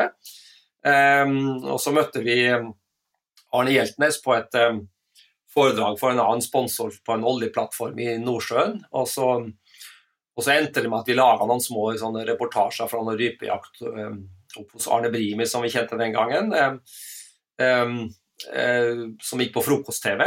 Og så syntes de det var spennende, så klippa de det sammen til et program. Og så, og så begynte ballen å rulle. Og fra, da, fra 96 til 2001 så laga vi jo 50 sånne hva skal vi si, reisedokumentarer. Eh, er veldig fantastisk tid, egentlig. Med mange spennende reiser. Sånn. Etter hvert fikk vi jo Det er jo sånn i kommersiell TV at hvis du har høye seertall, så får du romslige budsjetter og kan, eh, kan, reise dit du vil. Og det hadde vi på slutten. Og det er klart, det var, det var veldig, veldig morsomt en periode. Men, eh, men også det blir jo en jobb. og Kanskje det verste eksempelet på det er jo i Brasil, når, det, når, Brasil skulle spille fotball-VM i finalen mot Det var vel Tyskland, tror jeg.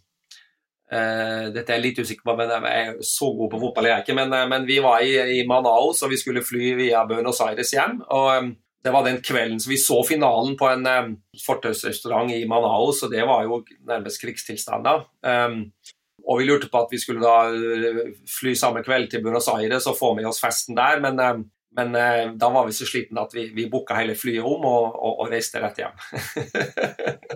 så, ja. Ja. Nei, men Det har i hvert fall vært for, de, for, de, for eh, dere svensker. Da. Jeg vet ikke om det har blitt sendt på svensk TV, og det vet kanskje du, Vegard, men det er i hvert fall eh, noe å prøve å få tak i. Det er mye morsomme klipp der. og Dere har jo vært og besøkt Smirnov bl.a. I, eh, i Kasakhstan og i det hele tatt.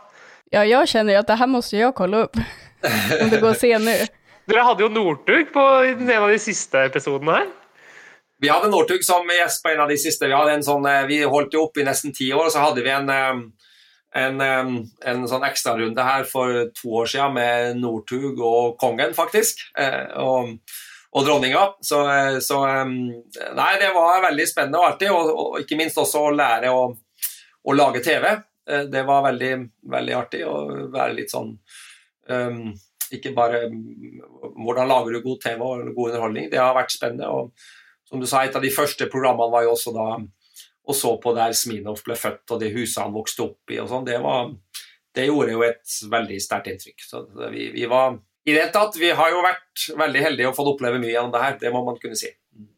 Har du sett alle avsnitt, Øyvind? Nei, jo, ja, mer eller mindre, tror jeg. Mer eller mindre. Det var jo det av de store programmene dette her, altså, som alle skulle se eh, på, husker jeg, når, eh, når jeg vokste opp. Da. Og siden jeg kjente Vega litt, da var det litt ekstra stas da, å følge med. Eh, men du har jo også startet din egen kles, ditt eget klesmerke. Hvordan kom det? Var det, noe, var det din egen idé, eller var det noen som presenterte det for deg? Eller, ja?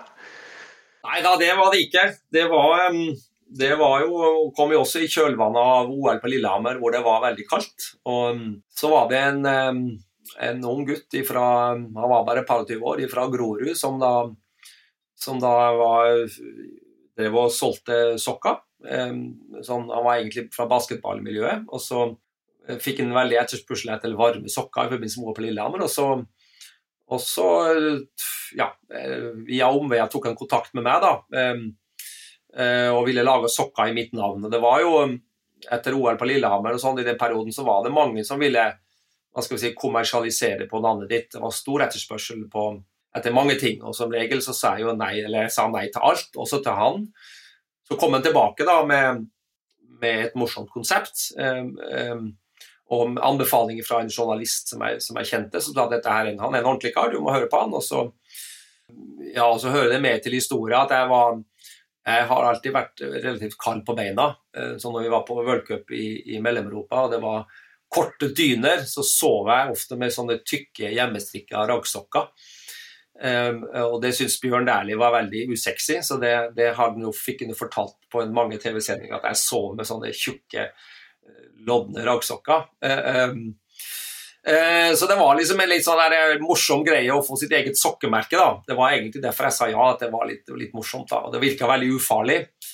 Men så um, fant vi en, en, en god sokk, syns jeg. En veldig god sokk som var veldig tynn og, av ull. og, og Den gang var ikke ull så vanlig, det var veldig mye syntet. Så, så, men jeg brukte mye ull på tur fra gammelt av og var vant til det. og, og ja, og så vokste det her gradvis til da, med at vi kom en hel ullkolleksjon. Og, og ja, det vokste fra én til um, 15 ansatte på, på, tre år, og jeg la opp som skiløper. og og gikk inn på eiersida etter hvert og eide halvparten av selskapet. så ja, Men jeg har aldri vært noen sånn utprega forretningsmann. og så var, Min jobb var her egentlig å være litt sånn struktur i bakgrunnen og egentlig si mye nei og være bremseklart og holde orden på, på det som var, Jeg har aldri vært veldig offensiv, men eh, samtidig så var det her bare moro.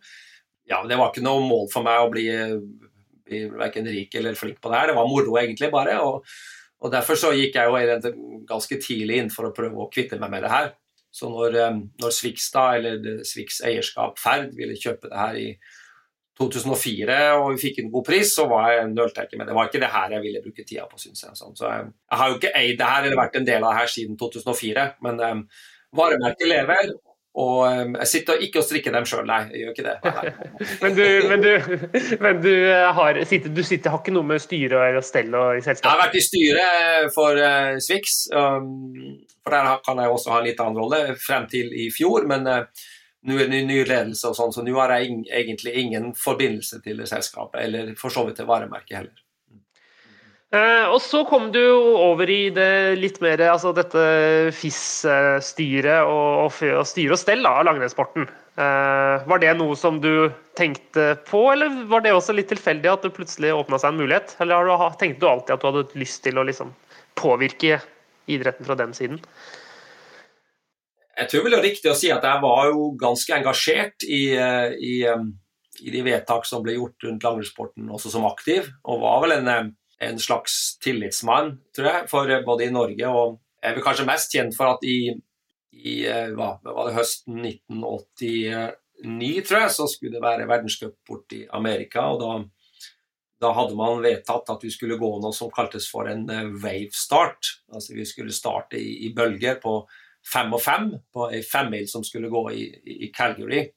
Dette her kom veldig brått på, og vi syntes at dette her med wave start var en veldig dårlig idé veldig urettferdig, avhengig av hvilken eh, du kan sammenligne seg med hvis du skulle starte Vasaloppa i, i fem og fem. Eh, og Da var det viktig å komme på den raske bølga, for å si det sånn.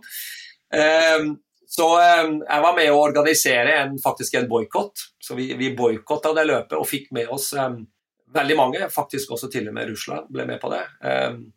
Men, men noen gikk, og, og noen, noen, vant løpet. Men de aller beste var det bra, selvfølgelig mye styr. Og, og jeg var, ble var med og organiserte det her. Da var en slags eh, i hvert fall i media så ble jeg fremstilt som en slags leder for en aksjon. Så jeg hadde et engasjement for det her, litt eh, mer enn vanlig kanskje. Og når jeg ga meg i 97, så, eller året etterpå, så, så ble jeg spurt av Norges Skiforbund om å sitte i det som da kalles for verdenscupkomiteen i, i, i, FIS. Og uh, gikk inn der og, og, har ja, Jeg vil si at jeg har vært med og påvirka landbrukssporten siden den gangen. Og ble da ble da også da valgt til formann fra 2006, og har, og har jo da faktisk sittet der siden. da. Jeg må jo si at jeg, Jeg blir foreslått av Norges Skiforbund, og jeg er på valg annethvert år, så jeg, jeg, kan kastes, altså. Men uh, min tid er snart over, kan jeg si. Men, men jeg har jo syntes at det har vært veldig, veldig spennende og veldig artig å få være med og, og jobben Ja, vi kan si mye om FIS her, det har du sikkert ikke tid til, men, men, men FIS er jo et møte. Det er en møteplass hvor verdens skifamilie kommer sammen og blir enige om om to ting. Eh, det ene er konkurranseregler, altså hvordan skal vi konkurrere, ehm, og terminlister. Og det, er, det, er, det som er FIS, egentlig, sånn veldig kort fortalt. Og, og, min jobb her er å få um, Det kan høres så pampete og vanskelig ut som bare vil, men, men eh, det sitter 17 nasjoner i min komité, og det er flertallet som bestemmer, egentlig. Og, sånn. og så det ja, og så hører det med til historien at det er en del begrensninger her, da, fordi, fordi FIS um, Det eneste FIS eier, er sitt eget VM. Der kan man egentlig bestemme det man vil, bare man blir enig. Uh, men, uh, men, når det gjelder verdenscupen, så er det de nasjonale forbundene som på en måte eier det. Sånn. Så det, det, gjør det litt komplisert å lage en slags sammensydd eller sammensveisa verdenscup. Det gjør det. Men, uh,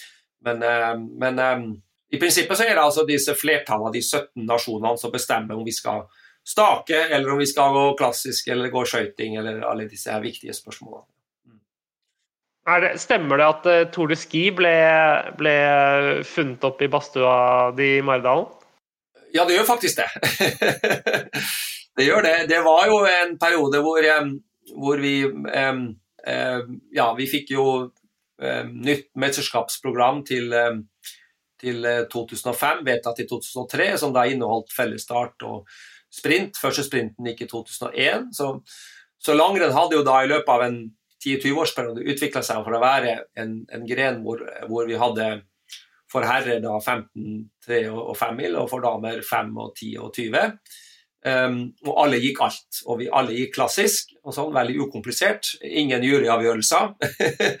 Ingen eh, disk for skøytetak eller noe som helst. Og så fikk vi da skøytinga i 85, og så fikk vi sprint og fellesstart. og vi, vi, Det ble flere grener og flere utøvere som kunne hevde seg, og flere spesialisering. og så så vi jo på hvordan eh, sykkelsporten på en måte forente de her bakkeklatrerne og spurterne i en konkurranse over en, eh, over en sånn konkurranse over flere dager. Og så så vi også at hvis vi klarte å på en måte holde spenninga sånn over mange dager, så ville media følge oss og skrive om oss hele tida. Fordi du fikk en slags eh, spenning som bygde seg opp mot en, en sluttdag. Så det er egentlig en ren kopi av et tyveri av, av sykkel, um, som jo som slo veldig godt an. Og det er riktig at den ble født eh, etter en treningstur og er badstue her i Maridalen. Morsomt. Men uh, har du hatt noen fanesaker? Og er det noe du er stolt over å ha fått til liksom, hva, gjennom de årene som du har sittet i langrennskomiteen? Ja, det, det, det, er jo, det, er jo, mange ting. Eh, den, eh, som også er veldig aktuell i dag, og som sikkert mange er sterkt uenig i. Men, eh, men, det som jo skjedde i, når sprinten kom i, i, i ja, til lagt i 2001, så for to-tre år for det, så hadde vi jo en diskusjon om hvordan sprinten skulle være. Da hadde vi prøvd mange varianter, både i verdenscup og utenfor verdenscup. Um, i, i Engelberg i Sveits så gikk man en, spreit, en, en, en, sprint som var 2,5 km lang, um, altså mer som et langrenn, og, og, med heat på 10 og 10.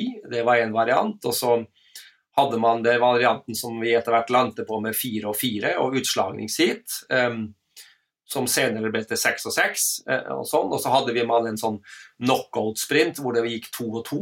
Uh, og så og så var det en diskusjon om hvordan det her skulle være. Da, og da var det selvfølgelig hvor lang skal denne sprinten være, var det sentrale spørsmålet. Og det var igjen, som mange diskusjoner blir, og da var prega av, følte jeg iallfall da, hvor, eh, hvor er våre løpere, altså hvor, hva hevder våre løpere av oss godt i nå? Han, eh, tyske Slickendider var, var Tysklands representant og var god når sprintene var litt kortere. og og skandinaverne var jo gode når det ofte ble litt lengre. Hadde, altså hadde en bedre utholdenhetsbase. Da, og sånn. Og, og, um, så endte man jo da med et slags kompromiss, som man alltid gjør i sånne ting. Og da endte man med at den skulle være en sånn ja, 12 til egentlig helt til 1800 meter, da kunne du være.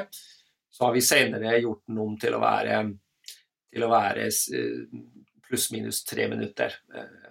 Det som opptok meg den gangen, det var jo å prøve å tenke langsiktig. At hvis, vi, hvis den blir for kort, så blir det veldig en spesialgren.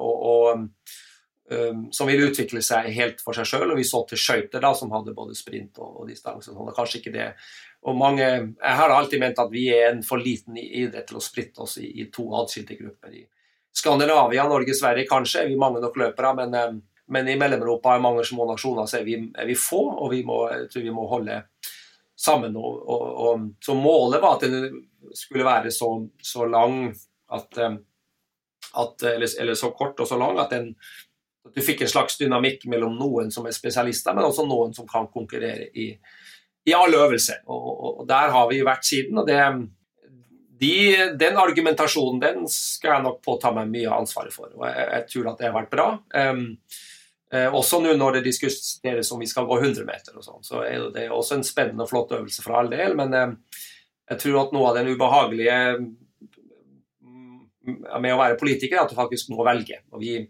vi får et visst antall øvelser eh, i, i OL særlig, og i VM. og, og um, skal vi ha inn en, enda en ny øvelse, så må vi ta bort noe gamle. og Da blir det jo Hva skal vi da ta bort? Skal vi f.eks. ta bort femmila, som vi har gått siden, siden 1888 i, i Holmenkollen?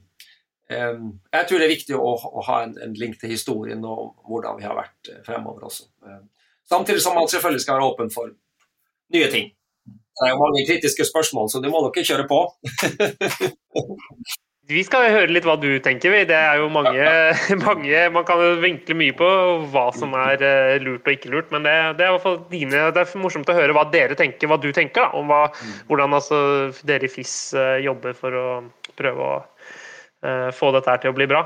Uh, men smøringsreglementet, det tenkte jeg å spørre litt om, for det er, jo, det er jo litt i vinden om dagen, og nå skal vi jo snart i gang med en ny sesong og sånn. Hvordan blir det til vinteren? Det blir vel egentlig ganske likt som i fjor.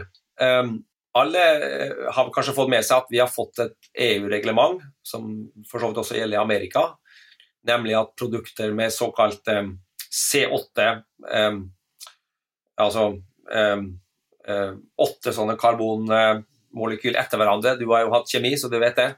Med fluor, fire fluorbindinger på hvert, hvert, hvert karbonmolekyl etter hverandre.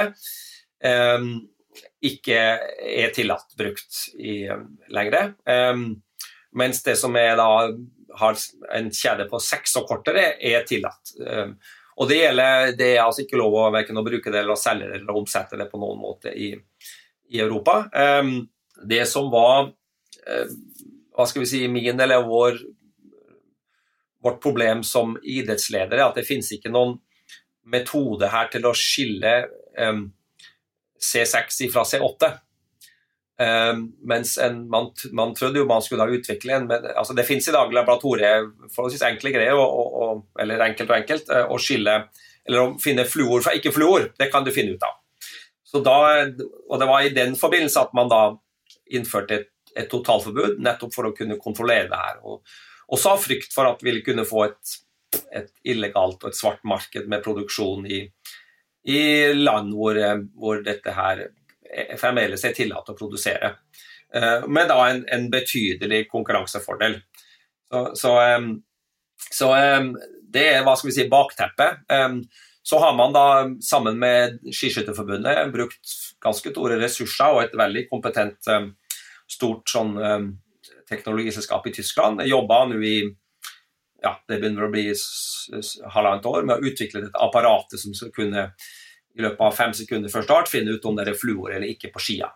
Det, det, mener man at man har lykkes med, men det må kalibreres og det må tunes inn og sånn. Så, så, så eh, jeg har ikke vært en del av den prosessen, men, men eh, dem som har vært det, sier at det, apparatet virker, men det må kalibreres og det må testes. fordi det vil alltid være litt bakgrunnsstøy i alle sånne elektroniske målinger. Og, um, så inntil det apparatet blir godkjent og, og, tatt i bruk, så er det altså lov å smøre med, med hva skal vi si, fluor som inneholder seks sånne karbonkjeder etter hverandre.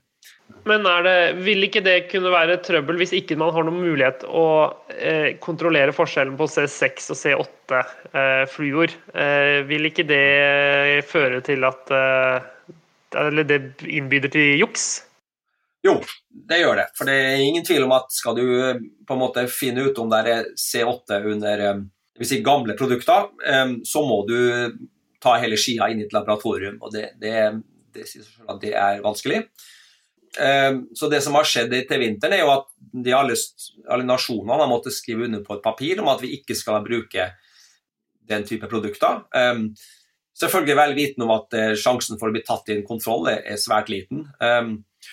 Nå hører det også med til historien at eh, dette er jo et, et offentlig forbud. og, og det som man uh, tror kommer til å skje til vinteren, det er jo at offentlige myndigheter, dvs. Si toll og grensemyndigheter, vil sjekke ved grensepasseringer. Også kanskje besøke oss på stadion og gå inn i, inn i trailerne og smøreteltene og, og ta stikkprøver av, eh, av, de produktene som brukes. Og, og, Da kan man finne ut om det er selvfølgelig C8 eller C6. og sånt. Men, det, det går an å finne ut på et laboratorium? Det går an å finne ut, ja. Da må du, da må du i, et, i, et, avansert laboratorium. og Da går det an å finne ut om det er C8 eller C6. ja. Så, så det, det, er mulig, men det er klart det, det Ingen tvil om at sjansen for å bli tatt her er liten. Nå er det jo også med til historien når jeg snakker med smøreksperter, så sier de at eh, i den utviklingen som, som, har vært, så er det på de aller, aller fleste fører eh, svært liten forskjell på, på, C6 og C8 av det som er av, av fluor i dag. og Det begynner etter hvert å komme også ganske bra, eh, bra, bra så vidt jeg har skjønt, også uten, uten fluor. Så, så ja, men, men, dette er definitivt en, en utfordring, og som jeg ser, så så er den, den endelige løsninga på det her for, av mange årsaker er at vi får dette apparatet til å virke. For da, da kan vi totalforby fluor. Det, det, det, er bra for, for, miljøet, det er bra for jeg skal ikke si at det er bra for økonomien, for det kommer sikkert produkter som er like dyr som er erstatninger her, men, men, men, men det vil gjøre det lettere, og det vil ikke minst bra for vårt omdømme. Dette er produkter som akkumuleres og som ender opp hos isbjørn på Svalbard etter hvert, og som ikke skal, skal skal være i, en skisport som vi skal forbinde med ren og pen og alt det her. Sånn, vi skal være naturvennlige, vi, og vi må gjøre det. selv om det også, som jeg sier, hører med til historien at um, de, de, den mengden av de produktene som brukes i skismurning, er jo altså promiller av det, av det, som brukes eh, i resten av verden. Det er jo det i, i smøroljer, det er det i, ja, i tekstilene vi kjøper og sånn. Så, så, vi er jo en, en, liten del av problemet, det må vi i rettferdighetens navn si. Tror du at det er langt borte fra at denne apparaten skal fungere? Jeg må si at jeg vet ikke. Jeg har ikke vært i den arbeidsgruppa som har jobba med det her. Og, og, og, signalene derifra er at dette skal vi få til, eh, og det er allerede brukt betydelige altså ressurser på det, og at jeg har veldig god tillit til den kompetansen, både, både kjemisk og, og skimessig, fra de som jobber med det her. Men, eh, men eh, så er det jo sånn med alle sånne målinger at det, må, det skal fungere i all type vær og vind. og, og det skal på en måte sile bort en del sånn bakgrunnsstøy. altså Det, det er veldig, veldig høy nøyaktighet på det her, har jeg skjønt. Det, men, eh, men, jeg, eh, men, jeg skal ikke spå om dette her blir en suksess eller fiasko. Det, det tør jeg ikke. Men jeg håper at det, at det. Det vil gjøre verden vår litt lettere. Mm. Eh, bra. Og så siste tingen vi tenkte, Vegard. altså Det her med vekt er jo blitt et veldig eh, stort tema i Norge i hvert fall, og det er også litt i Sverige. Eh, og spiseforstyrrelser innen langrenn. Eh, er det noe dere i FIS kan gjøre, har tenkt til å gjøre, skal gjøre, altså for å på en måte bedre dette her? Eller er det noe dere snakker om også i, i FIS? Ja da, dette har vært på agendaen i i min komité og i medisinsk komité i, i, mange år. Eh, dette er jo ikke noe nytt problem, um, ny utfordring. Um, I Norge så har vi jo innført en, en, en, en såkalt helseattest, som er et sett med parameter som du må, må score under for å få lov til å representere Norge internasjonalt. Um, dette her er jo hva skal vi si, krevende medisinske spørsmål, og det er også det er, jo, det er også juridiske aspekter ved det her, hvorvidt du kan på en måte gi folk startnekt eller ikke.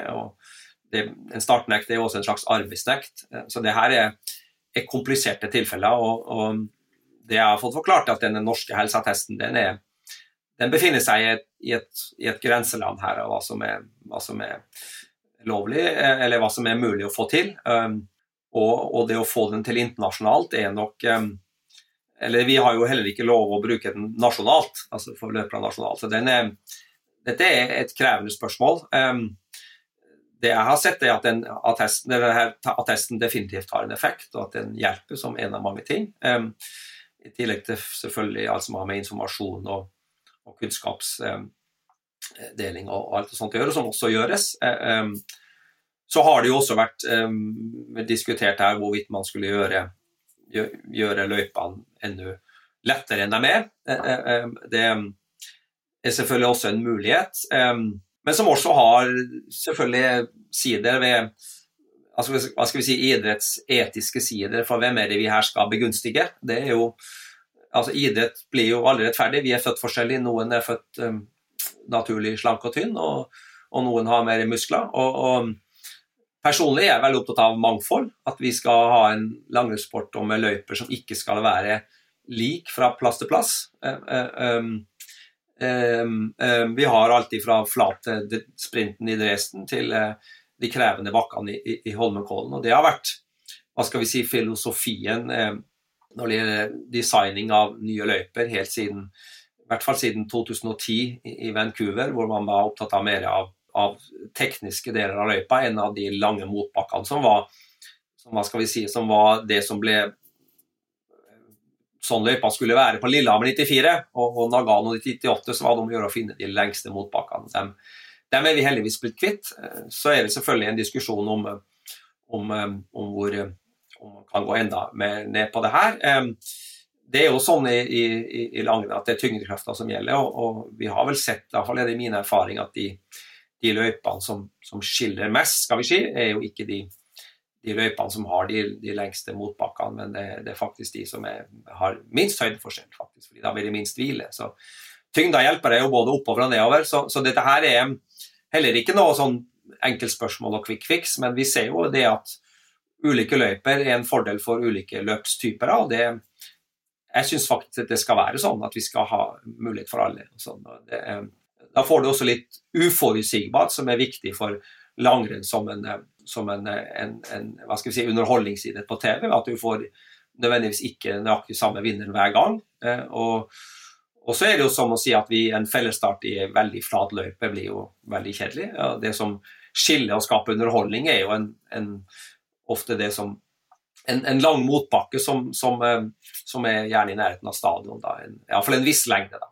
Så, så, så, langrenn uten motbakker er jo heller ikke langrenn. Vi heter vi heter cross country på, på engelsk. vil Si at vi må bruke det terrenget som vi har det. Men, eh, men, eh, men at vi skal lage løyper i Nå er det jo sånn at Her er det jo en viss treghet, det må man si. Det å lage nye løyper, og særlig på tradisjonelle plasser, er det veldig sjelden man gjør. Det er også veldig kostbart, og du må ha mange års søknadsfrist til miljømyndigheter. Sånn. Så det er, en, det er en betydelig treghet i det her. at vi, vi sliter i Norge med enda mer lysløyper som ble designa for å gjøre løperne våre gode til OL i, i, i Sarajevo i 1984. de er der ennå, eh, og, og, mye av det her er hodeløst. Og, sånn, så jeg, og så tror jeg kanskje det er enda viktigere hvordan vi lager konkurranser for barn og ungdom. Eh, jeg har jo hatt egne barn som har måttet slite seg opp til midtstupa i, i Holmenkollen fra de er åtte-ti år. Det har aldri vært noe vakkert syn, og jeg tror ikke det er bra for rekrutteringa heller. Jeg vil heller ha lettere å, å Særlig for, for, yngre. Og så må det gradvis trappes opp, slik at når vi er på, på juniornivå og skal gå Norgecup, så må vi ha, ha motbakker. Og, og, det er lett å skylde på FIS i det her, at det er FIS-krav som er det. FIS-kravene er veldig veldig romslige. Det eneste du trenger for å få godkjent det FIS-løpet, er en høydeforskjell på ja, mellom 25 og 30 meter. Eh, det er ikke så, så rare mot bakken. Og såpass må det nesten være, syns jeg. Kommer vi til å ende opp med én stilart i langrenn om, uh, i framtida? Um, ja, jeg tror faktisk det. Helt at Hvis du ser på den argumentrekka som, uh, som ligger bak det hele, så, så, er det jo veldig mange ting når det gjelder både økonomi og, og, og ja, to teknikker og sånne ting. Så, så det, det, det, blir kostbart, og det blir ofte komplisert å smøre klassisk. Og, og sneen er ikke så Det er ikke alltid det er ti kulerader og blått lenger. Um, så um, det eneste som, som, holder oss inne med to teknikker nå, er at det, alle vil ha det. Det er så å si 100% flertall for det i min komité. Og, og, bak det hele syns jeg han eh, franske Chalavat, eh, eller ja, en av de franske løperne, oppsummerer veldig godt i en norsk avis her i fjor vår. og sier han at klassisk er langrens sjel. Altså, det er veldig mye følelser til det. det. det. er vår historie og vår opprinnelse. og så kan jeg kanskje føye til at det gjør, det, det, det gjør produktet vårt litt spennende. Det skiller oss fra, hopp, fra kombinert og skiskyting. Um, um, og ja, konkurranser med to teknikker er, er, er spennende å formidle i, i et TV-bilde og sånn. og det sier litt om mangfoldet. og mens det gamle argumentet med at dette er en veldig link til vår fortid og link til massens bevegelse og sånn, det, jeg syns ikke det er like sterkt lenger, og jeg tror det kommer til å svekkes også. og sånn, Men, eh, men, eh, men ja, eh, det her har vi diskutert nå ja, i, i, mange år. Jeg trodde kanskje vi skulle tape da alle begynte å stake. for det er jo en, altså Skal du ha klassisk, så må du jo ha politiske begrensninger i form av et regelverk. og Så kom disse sonene og latterliggjorte sonene og latterliggjorte stavreglene fra mange. Men eh, det har iallfall roa det hele, slik at eh, nå kan vi ha hva jeg føler som forholdsvis meningsfulle konkurranser i klassisk langrenn. Men eh, jeg må jo også si at det er å gå klassisk i dag er, det er komplisert. Det å, det å vurdere både føre og løype og hvor mye fester du skal ha i forhold til egne stakeferdigheter og sånn. For det, det er klart, staking er raskere, det vet vi. på de, på, så, så, så, så um, um, Og dette her blir ikke noe lettere fremover. Jeg tror kanskje det Når det går noen år, og når eh, det kommer nye generasjoner som ikke har like mye sjel som uh, franske Chanava, så, så um, og, og følelser for det her, som er vokst opp med det, så, så tror jeg jo at um, om noen år at vi kanskje ender opp med med, med en, og Da må vi skille mellom konkurranser og turgåing, altså konkurranselangrenn eh, i en teknikk. Eh, da blir det færre juryavgjørelser og færre diskvalifikasjoner. og egentlig litt tilbake der vi var, om at eh, det er førstemann til mål, og alle ting er egentlig tillatt. Eh, men det er klart at når folk skal gå tur, særlig utenfor løyper og sånn, og på fjellet eller i marka og sånn, så vil jo, tror jeg folk kommer til å gå klassisk i all evighet. Så det er ikke noe jeg ser ikke noe sånn veldig mye dramatikk i den beslutninga i dag, som man kanskje gjorde da den var første gangen oppe da skøytinga kom i, i 1985-86. Interessant å høre, høre, tankene dine. Det er absolutt. Uh, Elin, er det noe du vil eh, legge til? Nei, men jeg syns det var veldig interessant lytting her. jeg tror det er mange som syns ja, at det er spennende å høre. Kul å ha det med. Eh, så var du Takk for at du kunne være med. Og takk for at du fortalte litt om både karriere og, og hva som skjer inni, inni de korridorene i FIS. Jo. Bare hyggelig. Det var alltid hyggelig å snakke langrenn og diskutere med langrenn. Det, det, er viktig å kommunisere med verden her skjønt etter hvert. og det er jo eh, det er ikke så, I min tid så var det kunne vi faktisk gjøre det med, med tabloidavisene, men det, det, går ikke lenger. Så det, dette her blir sikkert klippa dit, men, eh, men, eh, det går ikke an å diskutere fornuftig med en tabloidavis lenger. For det, de har ikke plass til det vi har å si. Men um, her har vi jo god tid og god plass, og uh, takk for hyggelig prat. Takk skal du ha.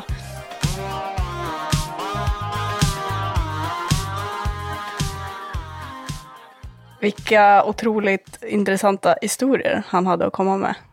Ja, han har opplevd mye, Vegard. Det er, eh, det er ikke noe tvil om at eh, han, eh, han har levd et innholdsrikt liv. Virkelig. Men da tar vi og går over på å kolla hva som skjer neste uke. Nå til helgen så har vi jo tävling oppe i Månjo. Og det bruker jo være veldig mange dyktige åkere som åker dit og har sin sesongspremiere. Veldig mange, veldig mange gode som er, har meldt sin ankomst også i år. Eh, jeg har hørt at det er veldig gode skiforhold der. At de har noe tursnø eh, som de kan gå på. Og Eh, det er jo russerne er jo der, med både laget til Kramer og laget til Borodavko, som er liksom De har jo delt landslaget sitt inn i treningsgrupper. De har ikke ett felles landslag, men flere treningsgrupper. Eh, men de er der begge to, så det betyr jo da at Bolsjunov, Spitzo, Stjugo, Neprajeva, Sorina, Maltsev Ja, hele gjengen er der oppe og trener. Så gjenstår det jo alltid litt å se hva som Eh, hvem som faktisk skal gå skirenn. Eh, men det er i hvert fall eh, Det som er bekreftet, er at Bolsjunov ikke skal gå skirenn. Han sliter med skader fra Eller med fortsatt ettervirkninger etter denne operasjonen han måtte ta for å rette opp en annen operasjon som han tok pga. tannkjøtttrøbbel. Så det har vært litt sånn strul for Alexander nå, i, nå på høsten, da. Men det er hvert fall, de kommer i hvert fall, og så er det vel de beste finnene. Skal til Monio og gå. Og så er det jo en del nordmenn også.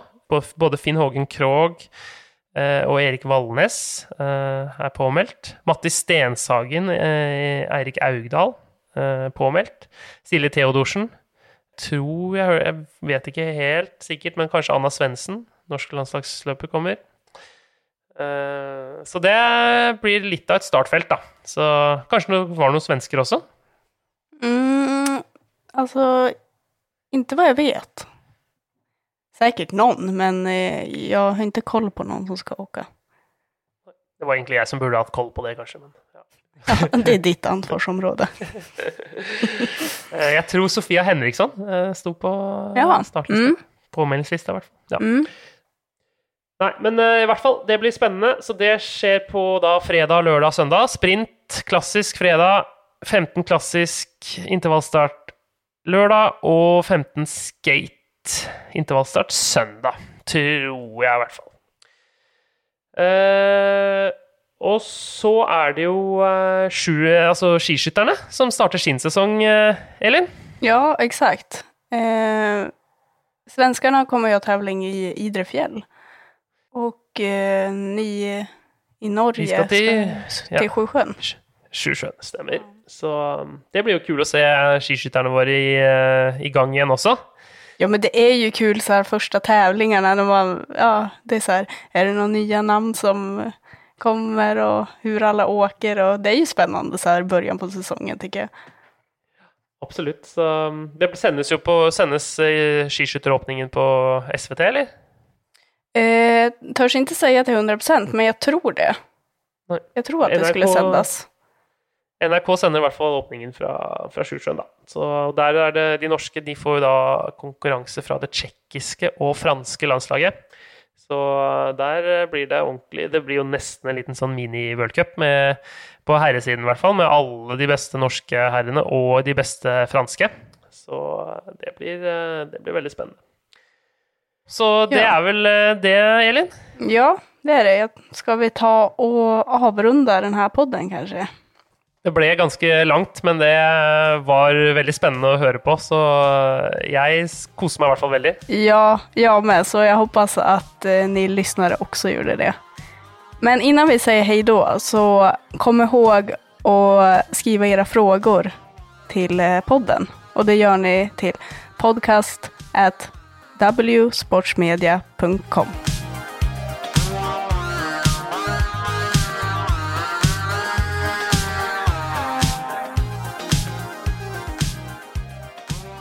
This podcast is a W Sports Media production.